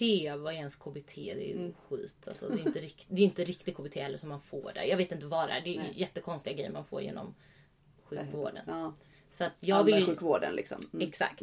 Jag vill ju in i psykiatrin. Alltså jag, och det är det jag håller på med nu. För att jag har ju också lång liksom, dokumenterad ångest sen jag var liten. Så att jag, jag vill liksom ta något mer helhetsgrepp på det där innan jag bara kastar mig in. För jag vill inte riva upp massa saker och så är det bara, ha nu, nu är de här tio samtalen slut, tack och hej. Alltså, Så att eh, nej, jag har liksom inte... Men jättemycket terapi har jag gjort själv.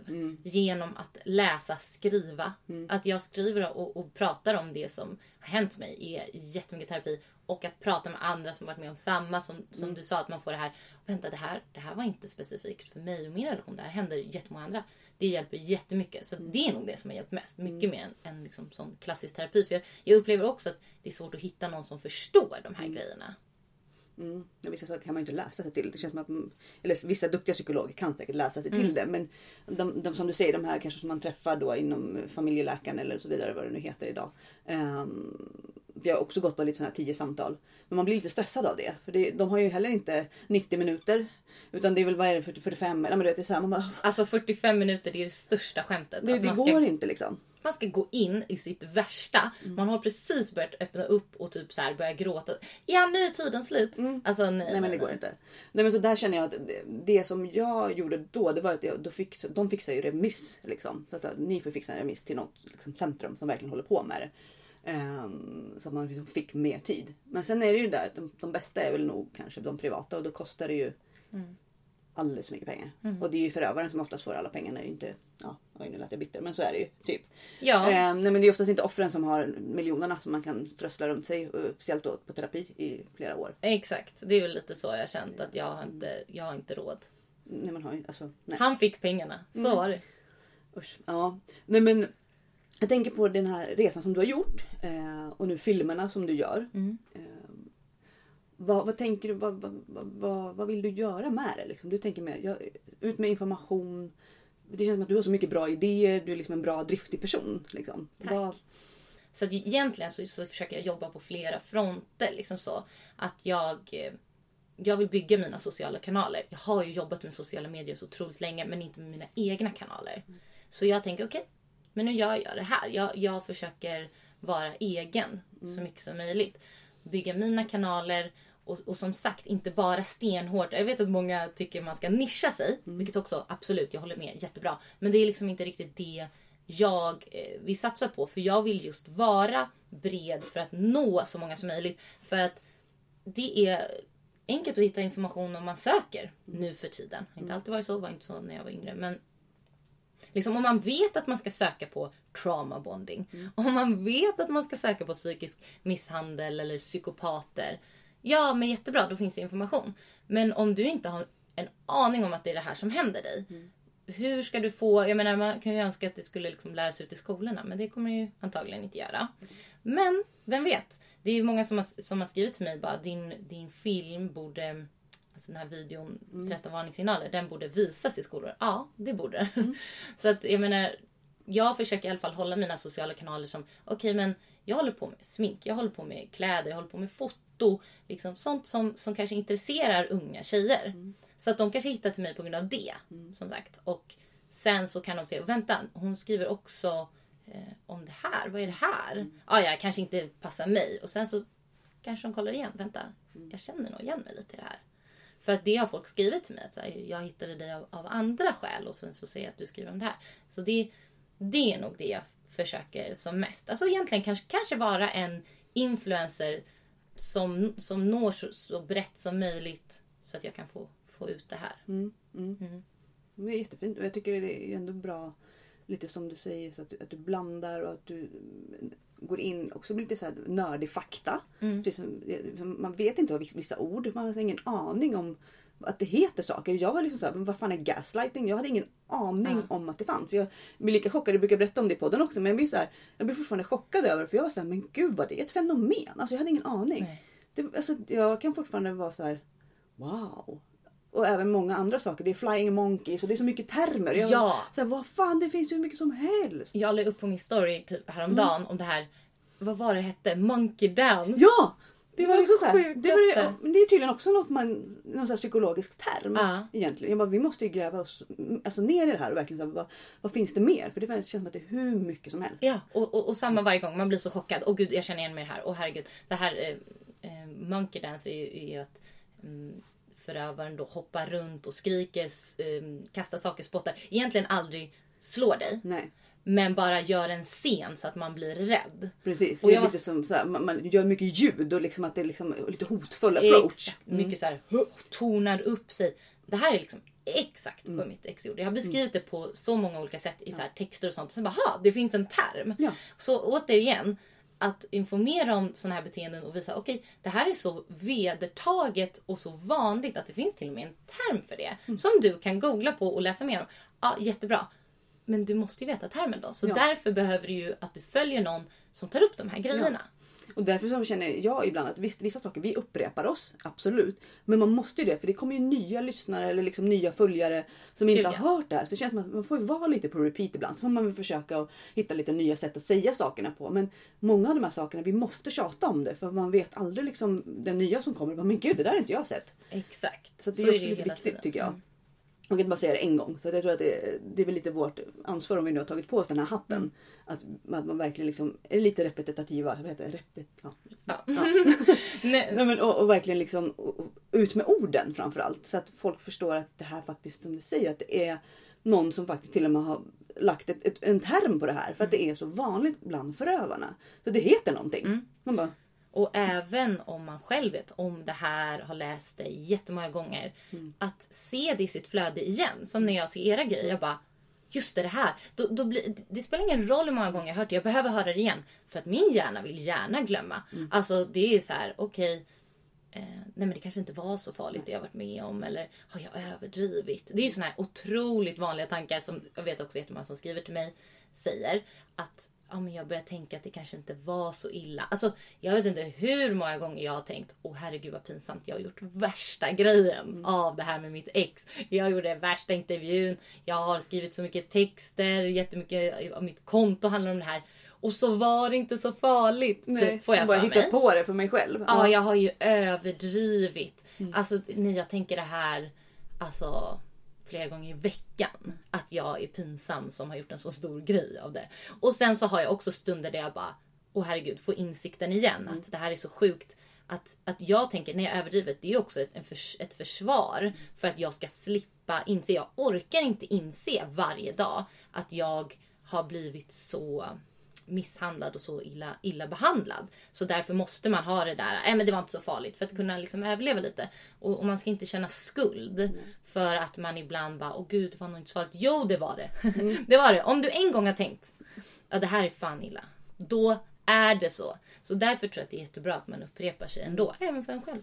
Jo men och sen tror jag i och med att man gör en slags normalisering av det även när man är i det så, så på något sätt så förminskar man ju både sina egna känslor så man trycker undan väldigt mycket. För att överleva? Hela tiden, ja. Och då blir ju det, då är det ju så lätt inom parentes lätt, men det är man, att fortsätta med det också efter mm. relationen. Att bara så här, stoppa in och lägga det så här. Ja, men det, det var nog inte så jobbigt. Det var, och jag då som ändå var jag i liksom 11 år. Om jag då liksom går in i de här tankarna att gud jag kastade bort 11 år. Det var 11 år när jag var liksom 18 till jag typ var, eller 19 till jag var 30. Det var de här, de här finaste, kanske bästa åren jag skulle ha i mitt liv. Jag skulle göra så mycket annat. Ja, men du vet, man börjar liksom, om man går in i det ja. där då bryter man ju ihop. Exakt. Och blir alltså. jättedeppig. Jag bara så här, Okej, okay, men å andra sidan kan jag också tänka så här. Jag lärde mig skitmycket av det. Det har blivit, jag har blivit en starkare person idag. Jag, jag har liksom hittat massor med saker som jag aldrig skulle ha hittat. Jag har träffat människor jag aldrig skulle ha träffat och så vidare. Och så vidare. Försöker hitta något positivt. För man, mm. man orkar inte ta det. Sen måste man ju bearbeta traumat. Ja. Och det är väl det jag tror man måste så här, se skillnaden på. Okay, vilka delar måste jag jobba med? Mm. Och som du pratade om traumabehandling. Och jag hade ju, alltså mardrömmarna tog koll på mig. För att jag drömde om honom mm. varje natt och vaknade skrikande och det var liksom år. Och nu idag, det har gått sex år inne på det sjunde året, kommer i september, då är det sju år. Men nu drömmer jag kanske ja, en gång i veckan. Mm. Och det har ändå gått sju år. Mm. Och en gång i veckan är han fortfarande närvarande. Mm. Och i en dröm så är de ju där. Mm. Och du känner allting igen. Du har inte förstått att tiden har gått. Utan du är, du är tillbaka. Han är tillbaka. Okay. Och du vaknar och det kanske är mörkt. Och jag måste då känna på min sambo. Jag känner okej okay, han har hår. Då är det inte han. Gud vad sjukt. Har, jag har varit med om exakt samma sak. Att jag vaknar upp och bara måste känna så på så killen som jag träffade mm. förut. Och bara, okej han är här, okej nu är det verklighet. Mm. Det där har inte hänt. Nej det är så verkligt. Mm. Och just det här att som du sa att man känner att man slösar bort tid. Det är en mm. så jäkla jobbig tanke. Att de tar den. Ja. Och Fortfarande. Mm. Att nu är det ju så här, det är över nio år sedan jag träffade honom. Mm. Och så tänker jag, okej, okay, det är nästan ett decennium mm. av mitt liv som är förstört av det här. För så blir det att jag tänker. Samtidigt som ah, det har hänt massa andra saker också. Och det, och man kan se det på olika sätt. Det kan också vara eh, positivt på andra sätt. Och det är livet liksom så. Eh, men, men det där är jättejobbigt. Och just det här med, med drömmarna. Jag, jag fyllde ju 30 i eh, fredags. Och natten innan så började jag tänka på ah, men, de senaste tio åren. Och det har ju liksom varit väldigt mycket om honom. Mm. Och så började jag tänka så här oh, men undrar vad jag hade gjort annorlunda om jag hade kunnat resa tillbaka i tiden. Så här. Mm. Jättedum grej att börja tänka på för att jag kom in i någon så här PTSD-grej. Att det kändes som att jag var där för tio år mm. sedan. Så att jag började liksom kallsvettas och bara... Det var så verkligt. Det var som att vara en dröm mm. fast det var, jag sov inte. Så att eh, då var jag verkligen så här det här påverkar mig så mycket fortfarande så jag var bara tvungen att liksom sätta mig upp och bara, ah, jag är i verkligheten nu, det här är 2020, det här är inte 2011 liksom. Så att, ah, nej. och det är väl det som, hjärnan kan ju inte liksom, den är man, kan, man måste hjälpa den lite också för den är inte där. Och liksom, man blir ju väldigt förvirrad ibland och man tänker saker man inte kanske tycker att man borde och man blir arg på sig själv och så vidare och så skuldbelägger man lite. Man måste försöka vara lite snäll mot sig själv. Men där kände jag att när jag började gå i traumabehandlingen så var det liksom så här, ja, jag måste bli av med de här sakerna. För att vissa saker det, det bara sitter så jävla hårt. Mm. Um, men sen orkar man ju, så gjorde jag det lite tag och det funkade väldigt bra. Men nu finns det fortfarande lite kvar. Men där känner jag också att jag orkar inte hålla på hela tiden. Utan man behöver terapipausa tror jag. Verkligen. Eh, Man orkar inte utan man får liksom, kanske behöver gå ett år. Och sen får man ta lite i taget. Jag tror inte man, man orkar. Jag, hade, jag klarar inte. Jag gör inte det. Man måste ju orka med livet som det är nu också. Man kan ju inte bara, ah, jag lägger all min energi på att bearbeta nu. Nej, men nej, för jag måste se till att jag orkar leva nu. Att jag orkar liksom gå upp på morgonen, göra det jag ska. Och, och om jag är för djupt inne i det där, då kan inte jag det. Så, så jag är verkligen så här. Nej, jag, jag är inte tillräckligt stabil nu för att orka gräva mig ner och liksom grotta i det där. Nu, mycket kan ju handla om också att man bara ska komma upp ur sängen om dagarna. Att man får börja där. Liksom, att inte ha så bråttom. Och vi brukar också prata om det, att man liksom måste försöka ge det tid. Att det kommer ta tid. Man får inte Ja. liksom bara så här. Nu måste jag må bra igen, måste, allting måste bli bra, jag måste orka, jag måste... Oh, så här, men det, alltså det är en process. Att de har brutit ner dig under flera år. Och de har tagit jättestor liksom, del av dig och liksom, de har mosat och verkligen smulat till mikropartiklar. Som, och bara sätta ihop det, det gör man inte bara på en, liksom ett litet tag. Exakt. Alltså jag, jag kände ju alltså när jag började inse allting att, att det värsta han gjorde mot mig var att förstöra min bild av mig själv. Att det var just det här att jag har liksom någon som sitter lite där på axeln hela tiden och viskar du är värdelös. Du är värdelös, du klarar aldrig det här. Du har aldrig klarat någonting i ditt liv, du är ingenting utan mig. Du skulle aldrig ha gjort de här sakerna utan mig. Och nu när du inte har mig, kolla hur det går för dig då. Du är sjukskriven. Ja, vad händer då? Nej, just det. Var är dina pengar? Just det.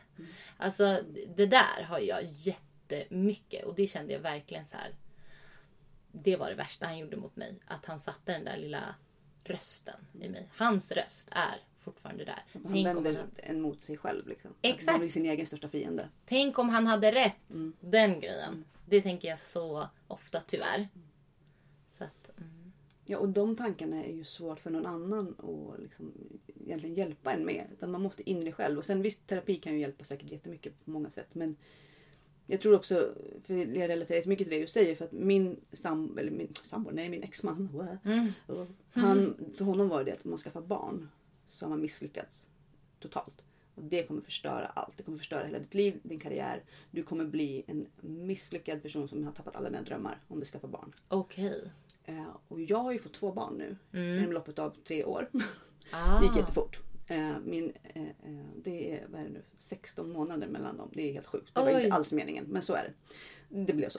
Eh, och jag kände ju där, jag fick ju lite så nu. Min eh, yngsta son, han är ju, han fyller tre månader nu typ. Åh. Och, han, och jag kände det när han kom ut att jag fick sån ångest. Också för att det var så här, nu har jag gjort det.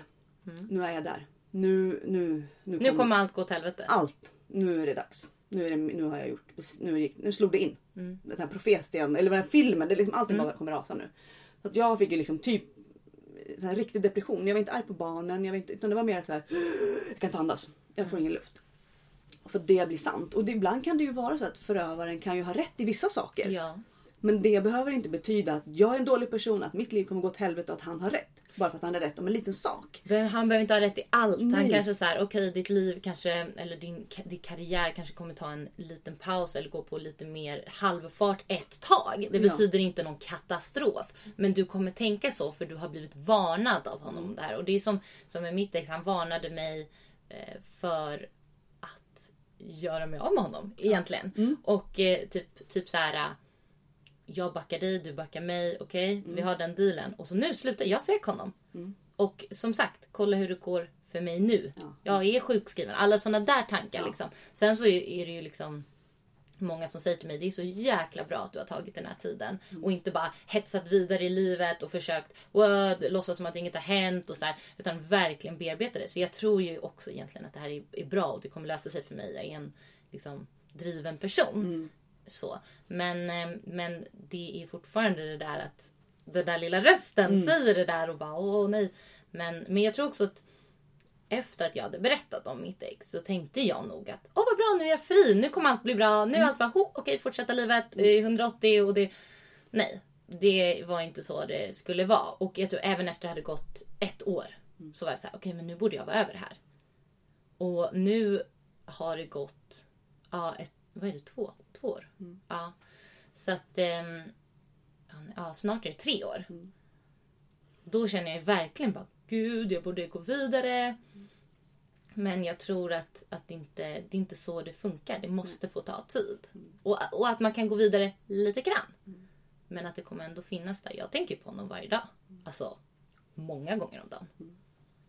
Jo, men jag tror att det är ju eftersom att de har ju varit en så stor del av ens liv oftast och getts, som gått in i ens alla celler på något sjukt sätt Mm. så är det så svårt att bara lyfta ut dem där och som inte finns.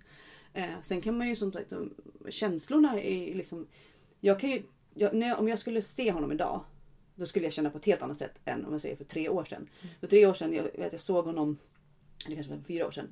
Alltså jag fick en sån panikångestattack och jag hade ju panik och jag var så rädd. Jag var verkligen såhär, jag klarar inte det här, jag måste, jag måste ut härifrån. Det här går inte, jag, han kommer typ att döda mig. Eh, idag då vet jag såhär, då är det såhär, men varsågod, välkommen. Ja. Jag är inte rädd för dig. Du, du har ingen makt över mig idag. Mm. Det finns ingenting du skulle kunna säga. Mm. Alltså, du kommer inte åt mig. Nej.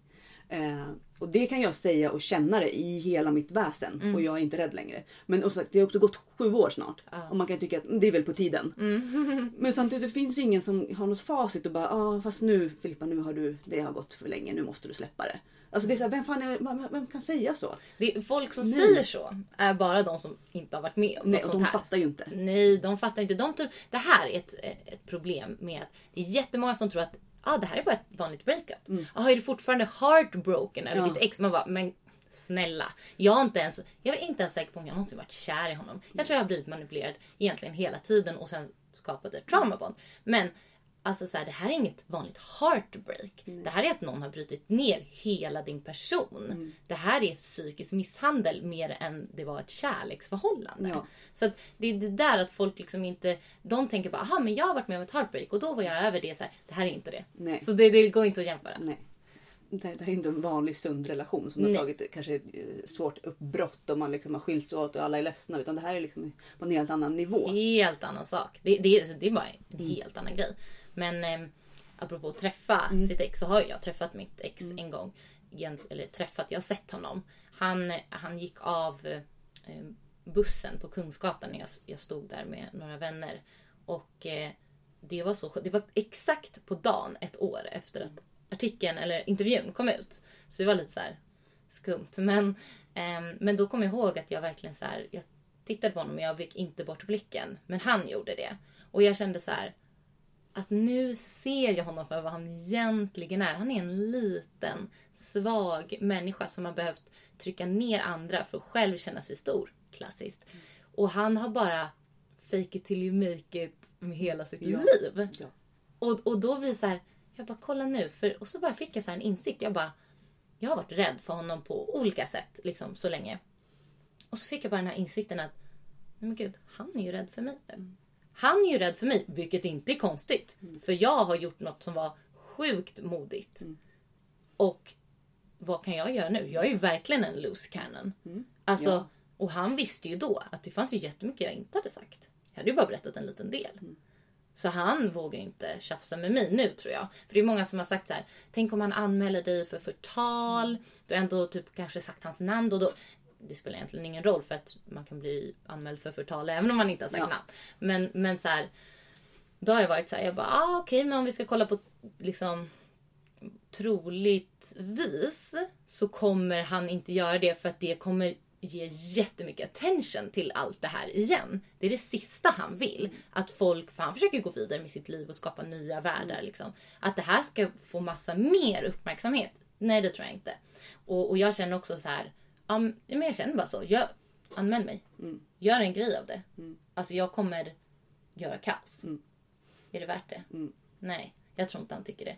Så jag tror verkligen att han är rädd för mig. Och jag tror egentligen att han har varit lite rädd för mig hela tiden. För jag har inte varit så lätt att kontrollera. Så. Men det är skönt Och att de, känna. de vet ju att de gör fel. Ja. De är ju väldigt medvetna om det. Så att det, är liksom, det är väl egentligen deras, en av deras största rädslor. Att de egentligen ska bli påkomna med tillräckliga bevis att Mm. folk verkligen ser dem för de de är. Och det vill de ju absolut inte. Så det är ju inget så att de liksom bara går runt och gör allting lite slumpmässigt. Nej, nej. Allt är ju genomtänkt. Ja, och sen absolut, vissa är ju mer impulsiva än andra och bara Ja. shit nu måste jag städa upp efter det här. För jag tror att mitt ex har varit ganska impulsiv och ganska reckless. Men också så blir de ju det när de lyckas med något. Jaha, jag lyckades med det här, ja, men då behöver nog inte jag göra det här. De, de får självförtroende och sen så det kraschar. För han var ju väldigt eh, arrogant när han sa till mig att han skulle ta lite semester nu och stänga av mobilen och sådär. För han, han tänkte att Off, jag har henne. Ja. Som i en liten ask. Hon kommer inte göra någonting. Nu kan jag skita i henne. Men där, alltså där filade han stort. Han skulle aldrig ha gjort så. Han kanske hade lyckats om inte han hade gjort så. Så det var ett... Ja, Det var ditt moment när du kände liksom, där var den. mm, ja men absolut. Jag blev så arg. så att eh, nej, han, det var, gjorde han inte smart. Så jag tror att de så också kan bli kaxiga av att de har lyckats med mycket. Men det är då de gör misstag. Och det gör de ju till slut. Ja. Sen kan det ta år och, och så vidare. Men de kanske inte gör det just med en person men det kanske kommer med en annan. Liksom. Mm. Så att, absolut. Eh, men jag tänker i eh, idag och sådär nu. När, när du sitter här flera år senare. Vad, vad skulle du vilja liksom säga till dem som bli- blir drabbade av liknande saker? Och liksom, vad skulle du vilja liksom... Som är inne i det nu. Ja. Jag skulle säga att de ska stärka alla sina andra relationer så mycket som det går innan de kanske vågar lämna. Så att de liksom... För att det svåraste med att försöka lämna det är ju att man antagligen kommer gå tillbaka. Så man måste se till att man har så otroligt starkt eh, kontaktnät och liksom andra människor i ens liv som kan finnas där för en när man eh, behöver prata, när man behöver kanske någon, den här tryggheten som man kanske har känt hos dem då. Så jag tror att, att det gäller att verkligen bygga upp starkt omkring sig så att man kommer lyckas lämna.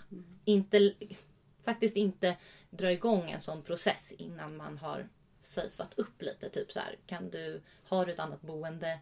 Liksom, em, har du vänner omkring dig som kommer hjälpa dig, stötta dig? Och ja, att du inte är beroende av personen på något sätt. Och det kan ju vara jättesvårt, det kanske inte ens går. Man kanske måste, man måste- lämna ja. ändå. Men, men att göra det så bra man, man kan. Liksom.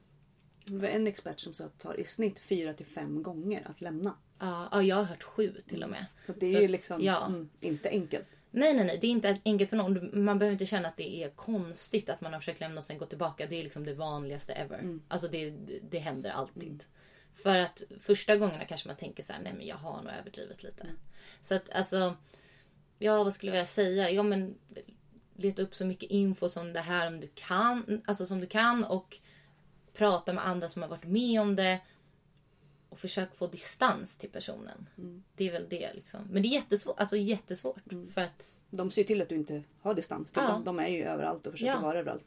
På grund av att det är en väldigt bra teknik. Mm. Och då får man ju tillgång och då kan man kontrollera. Eh, Så därför är det väldigt svårt att hjälpa andra men man får ju försöka som du säger. Alltså, för det är väl egentligen det viktigaste är ju vad de säger, noll kontakt Mm. efteråt. Att man ska lämna och sen är det noll kontakt. Du ska inte, inte någonting. Håll inte på att ha gemensam vårdnad om någon hund. Nej. Det är helt onödigt. Barn är hund- svårare, de kan man inte komma undan. Det är det, där är det svåra. Ja. Att har du barn med den här personen. Hemskt. Då, alltså, jag, alltså, jag vet inte ens vad jag ska säga. För att jag, jag, jag, jag känner ju folk som har det så här. Och det är liksom, det är, en, det är ett helvete. Och, och jag beklagar. För att, ja, det, är- det är fruktansvärt. Du kan inte bryta med en person då. För att de här personerna måste du bryta med om du ska bli lycklig egentligen. Och för du ska klara att komma vidare. Ja, Men har du barn, okej men då, då kanske du får räkna med att ah, då är det kanske 17 år till då. Är det, ju- ja. Så att, eh, har du inte barn med personen, skaffa inte barn! Nej. Det är, alltså, vad du än gör, skaffa inte barn med den här personen. Och eh, ja, det finns, det finns ju säkert andra saker man kan göra om man har barn. Jag har ju liksom inte jättebra koll på det eftersom jag inte har varit med om det. Men Det är ett Men- annat avsnitt känner jag. Det det, det behöver inte du ta. Nej, exakt, exakt. Men du vet att man ska inte ha hund i alla fall. Och, precis. Och liksom inte hålla på och försöka vara vän. Nej. Nej, det är bara manipulationsteknik. Alltså, inte hålla på att ta emot tjänster. Inte liksom... Alltså mitt ex gjorde sån här grej som när vi hade gjort slut. ehm, att han så här, helt plötsligt skickade en diskmaskin hem till mig. Ja, trevligt. Uh, jag, vad är det här? Ja, det, det är en present. Och jag, vad är det här egentligen? Och sen var det, ja, eh, de kommer att installera den på tisdag den här tiden. Jag bara, jag är på jobbet då. Ja men nu får ju du faktiskt fixa det. Jag har ju faktiskt fixat den här presenten till dig. Alltså det var så här, då skulle han liksom bara för att få vara i mitt liv. Bestämma att jag skulle vara hemma en viss tid. Se till att, det går liksom, alltså. Jag tog ju såklart emot det här då. Jag var ju väldigt ja, jag visste inte att det var något. Men alltså alla såna här små grejer. Om de säger att jag kan hjälpa dig med det här. Nej! Alltså nej, noll kontakt, blocka överallt. Det, ja. Och det, det är ju som en drog. Liksom. För de Mm. vet ju också att minsta lilla öppning så kan de ta sig in igen. Gud De ja! behöver så liten, liten, liten ingång. Sen är de där. Och de, de vet De ju är det. som eh, råttor. Är det någonting du känner så här, ja men det här måste jag bara få avsluta med och skicka med? Ehm, Alltså egentligen att det, klyschigt, men det blir bättre. Och ju mer tiden går, ju mer du pratar om det, mer du läser om det, mer du faktiskt aktivt bearbetar det. För det är inte så att bara, åh tiden går, då blir allt bättre. Man måste ju jobba med det. Så det kommer bli bättre och man kommer må bättre. Det kommer bli bra någon gång. och det är ändå viktigt när man säger det, att man säger det till sig själv också. Ja, jag säger det till mig ja, själv nu. Det var därför jag säger extra högt. Bara, Det blir bättre! Jag lovar! Och i, i med, med kärlek, man kanske har mycket så här, ah, hur ska det gå? Kommer jag någonsin hitta en normal relation igen? Jag tror absolut att det går. Även om det i mörka stunderna kan kännas som att det inte gör det. Men Ja, och jag tror att det, det finns ju självklart bra män, oftast är det ju män, därför säger jag män, där ute. Ehm, sen är det ju säkert inte helt enkelt att hitta dem alla gånger. Och man måste också ha väldigt mycket skinn på näsan själv. Och bara så här, sätta upp det här, okej jag, jag har mina regler, eller så här, min gräns går här. ja, Och vara tydlig där, att inte släppa efter. För det är det de vill. De gör ju liksom så att man flyttar den här gränsen för vad som är okej. Så att till slut så är det till och med okej att få en örfil. För att man känner så här, ja men det gjorde jag ju mig förtjänt av. För att de någonstans har flyttat hela det där. Så där någonstans måste man också, även om det är skitsvårt för de hittar ju sätt att bryta bort dem där. Men att man någonstans säger okej, när, vad är mina röda flaggor liksom? Vad, vad, är, vad är mitt nej? Eh, och inte, vad är någon av våra experter som bara, men flytta inte ihop. Alltså man försöker liksom, och det är också Gör svårt med in- lite så här distans som gör inte om. saker så fort. Nej. Liksom, låt inte dem över åh allting är så underbart, gud vi flyttar ihop. Alltså så här, eh, det kanske är en normal kille som bara är jättekär och vill flytta ihop med dig. Ja, men i så fall kan han vänta. Ja. Alltså, låt det gå lite tid. Det är ju så att förälskelsefasen, vad är vad man brukar säga, så här, tre månader när man typ inte riktigt tänker klart. Så det är bra i alla relationer. Och bara, ta inga stora beslut Nej. de första tre månaderna. Och det är ju extra viktigt om det finns risk då, vilket ju gör att det är en, en person med liksom psykopatiska drag som eh, kommer försöka utnyttja det här förälskelsefasen då du inte riktigt är dig själv. Ja. Att ta massa permanenta beslut. Liksom. Så att eh, ja, ta det väldigt lugnt. Ja, nej men det, det tror jag är det bästa rådet. Och så här, verkligen ge sig själv tid att tänka och känna. Mm. Och de kommer gå in och försöka göra allt för att du inte ska hinna tänka och känna. Det är Precis. liksom deras motto. Var med dig hela tiden, ringa hela tiden. Alltså, det, här, det som är så svårt är att vissa av de här grejerna är också normala grejer man gör när man är kär. Ja, det är Så lite att- gulligt liksom. Ja, alltså vissa grejer kan vara lite så här, ja. Eh, det, han, nej, han kanske inte är en psykopat för att han ringer dig tiden. Han kanske bara är jättekär. Men vet du vad? Det spelar ingen roll. För det är ändå inte bra beteende. Nej. Även om det är en normal person så svara inte på det beteendet. Liksom, låt inte det gå för långt. För det är inte bra i alla fall. Även Nej. om det är en normal person. Det är inte bra i alla Man kan fall. inte leva så liksom. Nej. inte ringa varandra tusen gånger. Vi måste ändå jobba, vi måste fungera, vi måste ha Precis. tid för egna, egna tankar och eget umgänge. Exakt. ja. Man behöver inte sova med varandra varje kväll. Ta lite tid för dig själv. Tack för att du kom hit. Tack Ja. för att jag fick komma. Jag är jätteglad att du kom hit. Jag tycker det var ett jättebra samtal. Och nu har vi jättemycket material du kan klippa. Ja, det var mycket. Ja, jag är jättenöjd. Eh, och jag tycker man ska följa dig på Instagram. Och sen kolla in din Youtube-kanal. Yes. Eh, är det något annat du känner? men- Filippa Rebecka. Ja, Filippa Rebecka. Rebecka med två C, Filippa med F. Tack snälla. Tack.